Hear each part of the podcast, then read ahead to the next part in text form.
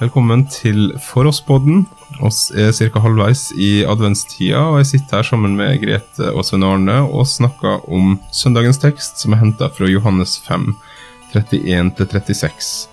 Eh, og I dag så skal vi snakke om et av de vitna som eh, Jesus snakka om, et av de vitna om seg sjøl som, som han snakka om, nemlig døyperen Johannes. Mm.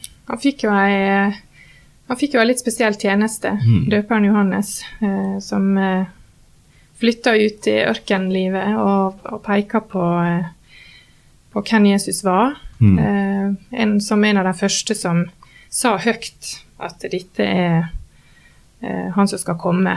Mm. Eh, så og jeg har tenkt litt på at det er litt spesielt at det var Johannes som, som gjorde det. For vi, vi, sånn som vi leser i Bibelen, så er, er, jo de kjent hverandre sikkert fra de var små. Mm. Og er jo, er jo, i slekt med hverandre.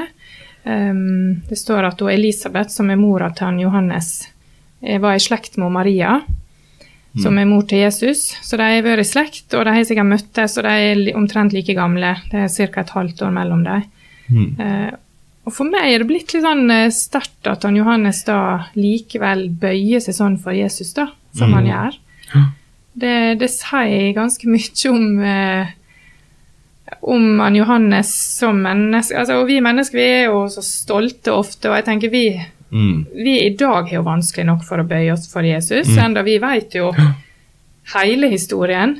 Mm. Men han Johannes har fått et sånt spesielt kall da, til å mm. vitne om om Jesus. Og kanskje han fikk nok se en del som eh, var Altså at Gud viste han spesielle ting, det tror jeg. Men det, det sier mye om han Johannes at han bøyde seg sånn for Jesus. Mm. Jeg tenkt litt på. Ja. Mm. Mm. ja og Jesus uh, snakker om at uh, han var et brennende og skinnende lys, og det kan tyde på at uh, tjenesten hans nå er avslutta. Mm. Og vi vet jo at han havna i fengsel og til slutt ble halshugd. Mm. Uh, men mens han uh, sto på, så, så ble han jo populær. Mm. Uh, og mange som kom for å høre. og som Jesus sier, for en stund vil dere glede dere i lyset fra ham. Mm.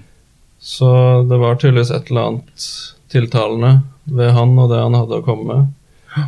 Men også noe som gjorde at man etter hvert uh, ja uh, eh, mista interessen eller mm. uh, tok litt avstand fra det. Uh, men Jesus sitt poeng er vel at du kan ikke tro på døperen Johannes uten å tro på meg. Mm. Fordi det er meg han vitner om. selv om han på samme måte som Moses egentlig står og, og skuer inn i, inn i, det lovede land, uh, så fikk ikke døperen Johannes se det med egne øyne. Men han uh, leda på en måte folket fram til, uh, til den nye pakt. Mm. Som en sånn overgangsfigur. Uh, så det er litt en interessant likhet med Moses. Mm. På den måten. Eh, og i teksten så blir det jo henspeila til eh, dere sendte bud til Johannes, og han er vitne for sannheten, står det i vers 33. Eh, og i Johannes 3, eh, fra vers 22 utover, så, så opplever jo Johannes at eh, folk forsvinner fra han, rett og slett. De, de, reiser heller til Jesus og lar seg døpe av han og hans disipler. Mm. Eh, og noen av Johannes' sine disipler kommer til han og kanskje litt betutta, da, sier at uh, den mannen som var sammen med deg med på andre sida av Jordan, han som du vitna om, nå døyper han, og alle går til han. Litt sånn uh, resignert uh, nesten fra disiplene der, men så svarer han ganske langt da, at jeg har sagt at jeg er ikke Messias. og så snakker han om Jesus som brudgom. Eh, den som har brura, er brudgom, men vennen hans som står og hører på, han gleder seg stort når han hører røsta til brudgommen. Slik glede har jeg nå fått, og det er i fullt mål. Han skal vokse, jeg skal avta. Så det er jo en sånn derre eh, utrolig Egentlig, han veit at Jesus er Messias, mm. eh, og er som Grete sa i stad, helt sånn overgitt til han. Um, men så er det litt spennende i og med det som skjer med Johannes etterpå. Eh, han blir jo uh, kasta i fengsel fordi han snakka ut mot, mot kongen. Eh, og så sitter han der i fengselet og virker å tvile på en måte på hele greia. Sender bud til Jesus mm. og spør er du den som skal komme, eller skal vi vente en annen. Eh, og da tenker jeg kanskje antageligvis, eller kanskje i hvert fall, så, så har ikke Johannes eh, skjønt på en måte hvordan Messias Jesus skulle være. Men det er jo ikke så rart. Det var jo ikke, det var ikke, noen, det var ikke noen som gjorde. Disiplene hans uh, forsto det jo ikke før han hadde stått opp igjen fra de døde. Um, så, så, kanskje hadde Johannes også en sånn forventning om at uh, nå kommer nå kommer Guds rike, liksom. Nå, nå kommer Messias, og alt skal bli bra. Vekk med romerne. og og skal tilbe i tempelet og virkelig bli Guds folk igjen. Mm. Eh, og få, få, en konge som, som kan lede oss. Eh, og så var det jo ikke helt sånn Messias eh, Jesus var. Eller han, han, er jo konge, og mm.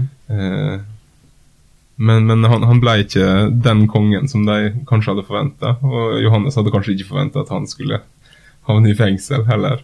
Mm. Eh, så når han sender bud til Jesus, så så sier han jo det her Er det du som skal komme, eller skal vi vente en annen? Og, eh, og Jesus svarer eh, litt sånn spesielt, syns jeg. Fordi han, han henviser til, til, Jesaja, der det står om eh, der står om blinde som skal få se, og lamme som skal gå, og spedalske som skal renses, og fattige som skal få godt budskap forkynt for seg. Eh, men i de Jesaja-tekstene så står det jo også om fanger som skal få sin frihet. Mm. Men det sier ikke Jesus til han. Han svarer 'jeg er den som skal komme'. Mm. Men kanskje sier han også da indirekte at uh, du skal ikke forsvare. Mm. Som, mm. som, du sier. At uh, den Moses-parallellen. Mm. Det er en nokså spesiell, uh, spesiell fyr og en spesiell historie. Mm. I morgen så fortsetter oss å snakke om denne teksten. Takk for i dag.